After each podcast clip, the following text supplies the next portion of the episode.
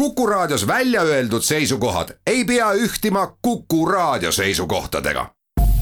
Te kuulate Kuku Raadiot.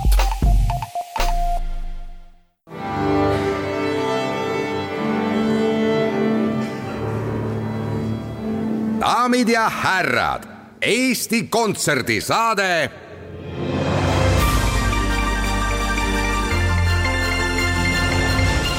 aplaus.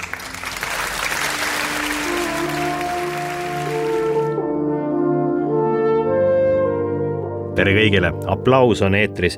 olen Lauri Aav ja räägime, mis kahe järgneva nädala jooksul ees ootamas ja november ongi ju käes.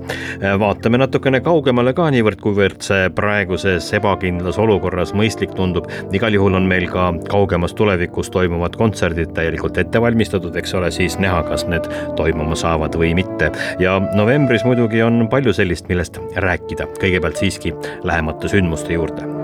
Alates homsest, kui piirikontrollis kõik hästi läheb, hakkab mööda Eestit ringi sõitma Vene sarveorkester Peterburist.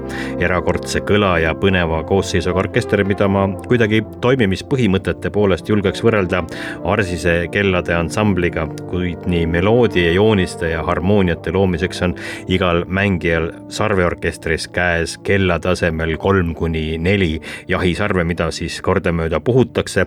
selline muusikalise koordinatsiooni ja rütmitunnetuse meistriklass on see orkestri käsitsi valmistatud pillikogu on tänaseks suurenenud saja kuue sarveni, millel mängivad seitseteist noort vene muusikut, aga alguse sai kogu see asi tuhande seitsmesaja viiekümne esimesel aastal, kui otsustati teha Vene keisrinnale Jelizaveta Petrovnale sünnipäeva üllatus ning moodustati kahe tosina jahisarvega ansambel, kes keisrinna lemmikajaviite ehk jahipidamise puhkehetkel musitseeris. keisrinna ja kaaskond olid nendest sarvehelidest niivõrd lummatud, et otsekohe moodustati õukonnas mitu sarveorkestrit ja neile hakati looma spetsiaalset muusikat, mida esitati õukondlike sündmuste tähistamisel. sama orkester oli kolm aastat tagasi ka Haapsalu Tšaikovski festivalil ja mul oli au olla seal nende tõlgiks laval ja kogu kontserdi ajal see orkestri sees olemise tunne oli veel erakordsem ja põnevam. igal juhul Vene sarveorkester on alates homsest Tallinnas Jaani kirikus õhtul kell seitse neljapäeval, reedel Pärnu kontserdimajas, laupäeval Tartu Pauluse kirikus ja pühapäeval Jõhvi kontserdimajas meie hea ja oma Hortus muusikus teeb oma iganädalaste Väravatorni kontsertide kõrval ka suuremaid ülesastumisi. kuidagi on traditsiooniks saanud, et need on just novembrikuus. tänavuse kontserdi nimi on Elagu kuningas ja Hortuse püsikülalised on juures Jaaniko Kuusik, sopran ja Iris Oja, metsasopran. lisaks Hortus muusikus muidugi ise ja kunstiline juht Andres Mustonen ja kavas on Joss Queen Depre looming. kahekümne seitsmendal augustil möödus viissada aastat Josquin Depre surmast ja ta oli renessansi suur helilooja. ja Depre oli üks kõigi aegade viljakamaid heliloojaid, tema looming ulatub vaimulikust rangest mitmehäälsest polüfooniast kuni kelmikate ilmalike šansoonideni ja tõenäoliselt tagantjärele on omistatud ka paljude teiste kaasaegsete heliloojate teoseid talle, eks ikka seetõttu, et tema nime kasutades õnnestus omaaegsetel kirjastajatel muusikateoseid paremini müüa järgmise nädala lõpul on Eestis Jaapani ja Saksa juurtega pianist Alice-Saara Ott oma audiovisuaalse klaveriõhtuga Echoes of Life. peamiselt Chopini kahekümne nelja prelüüdiga seotud kavas on veel Francesco Tristano, Nino Rota, Chili Gonzalese, Toru Takemitsu ja Arvo Pärdi teosed, mida saadab arhitekt Håkon Demirelli väga otseselt koos muusikaga töötavate videoinstallatsioonide kava Alice Saara Ott oli Eestis üsna möödaminnes korraks kahe tuhande kahekümnenda aasta alul, kui ta esines ainult Tartus koos Antwerpeni sümfooniaorkestriga, selle orkestri solistina ja seal pärast kontserti see soolokontserdi Eestisse toomise idee ka sündis ja väga hea meel on, et nüüd see lõpuks teoks saab. aga ma helistasin Alice'ile mõni aeg tagasi, tegelikult muidugi Zoom isin ja küsisin kogu selle kava kohta, mis on ka sama, mis Alice Saara Oti viimane album Echoes of Life, et mis on sellise plaadikava kava kokkupaneku taga, et miks sa segad oma kavas kokku Chopini tänaste heliloojatega? Yes, well, I mean that's true. I mean, I mean the thing is about like the interesting thing about jah, nii see on, klassika interpreet esitab suuremas osas muusikat, mille autorid on meie hulgast lahkunud kümneid või sadu aastaid tagasi. ja siis see on nagu pigem mõistatamine, et mida helilooja sellega mõtles. aga kokkuvõttes on see lihtsalt interpretatsioon. ja ma arvan, et selles on mängu ilu, mis teeb interpretatsiooni nii mitmekesiseks ja hinnaliseks aga miks sa valisid just Chopini oma autobiograafilise plaadi Echoes of Life partneriks? Chopin is actually a composer that ega tema muusika pole sugugi alati mu elus olnud. see on käinud periooditi, aga tagasi vaadates olid need väga olulised perioodid. esimest korda siis, kui ma olin üheksateist ja allkirjastasin oma esimese Deutsche Grammofoni lepingu ja tegin oma esimese Chopini plaadi. teist korda siis, kui Olafur Arnalds kutsus mind oma Chopini projekti. see oli mulle sisemise heitluse aeg, sest minu muusiku taust oli senini olnud väga traditsiooniline, aga ühel hetkel tabasin end mõttelt, et et soovin kõnetada rohkemaid inimesi kui vaid need, keda näen oma kontserdisaalis. see publik seal saalis oli otsekui omaette mull sotsiaalse kuuluvuse ja vanusega inimestest, kellel polnud mingit seost mu enda vanuse sõprade ega igapäevaeluga. ma mõistsin, et polnud kunagi mõelnud enda kui artisti identiteedile seda polnud kunagi keegi pidanud vajalikuks ka õpetada, et mida tähendab olla klassikaline muusik kahekümne esimesel sajandil. see heitlus mõjutas tugevalt mu mängu ja ka mu enesekindlust, aga just sel hetkel kohtasin ma Olafur Arnoldsit, kes esindas täiesti teistsugust suunda ja tema Chopini projekti käigus hakkasidki asjad lõpuks juhtuma. Alustasin katsetustega, kuidas suunata oma esinemiste formaati, muuta suhet klassikalisse muusikasse. nüüd olen juba kolmkümmend kolm ja uus plaat peegeldabki seda, kes ma klassikapianistina olen, kuidas ma mõtestan seda muusikalist pärandit, mida me edasi kanname ja mõtestan seda palju kaasaegsemal viisil.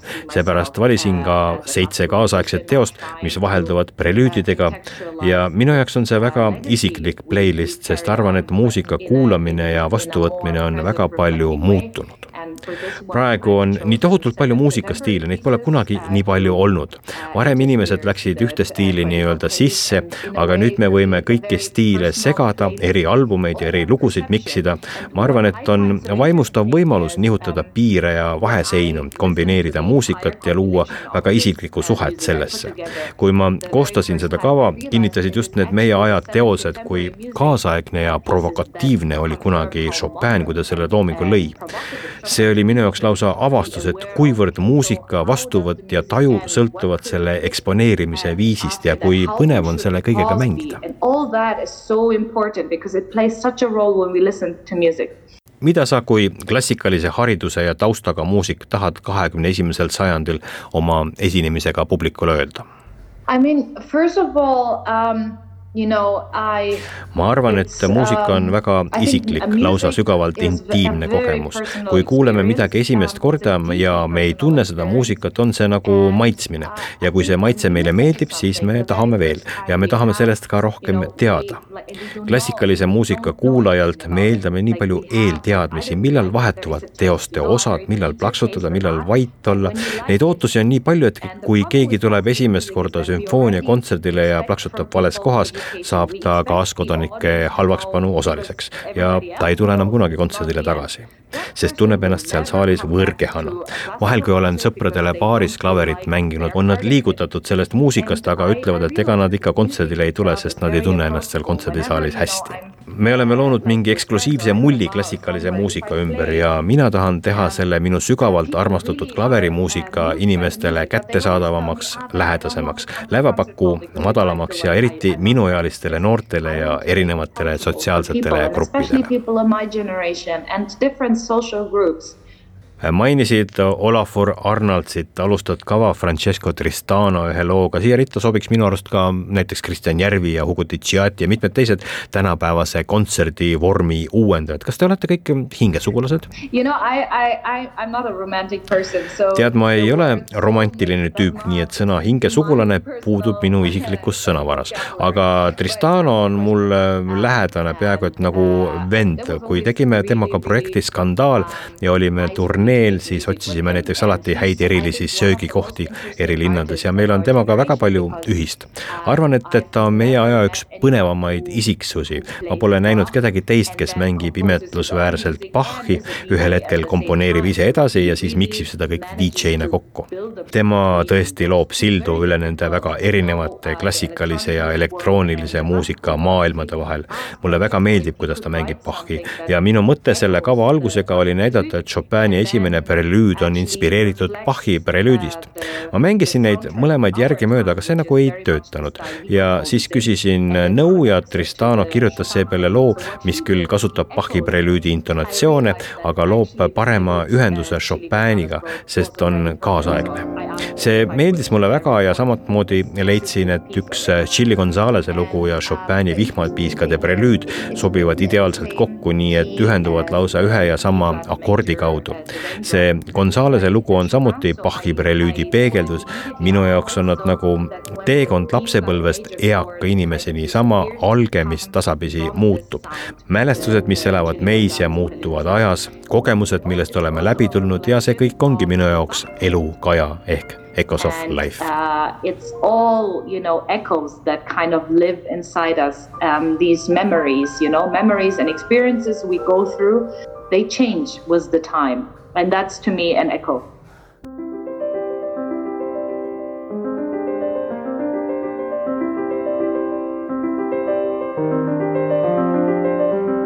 Alice Sarvet Estonia kontserdisaalis laupäeval, kolmeteistkümnendal novembril.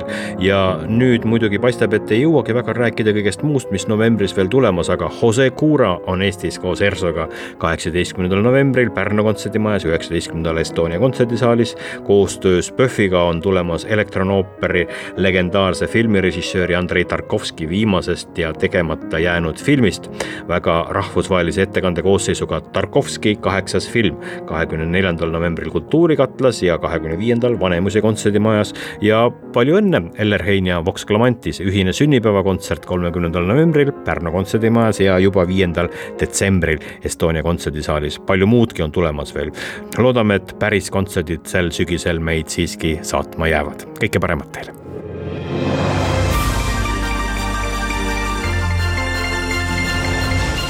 aplaus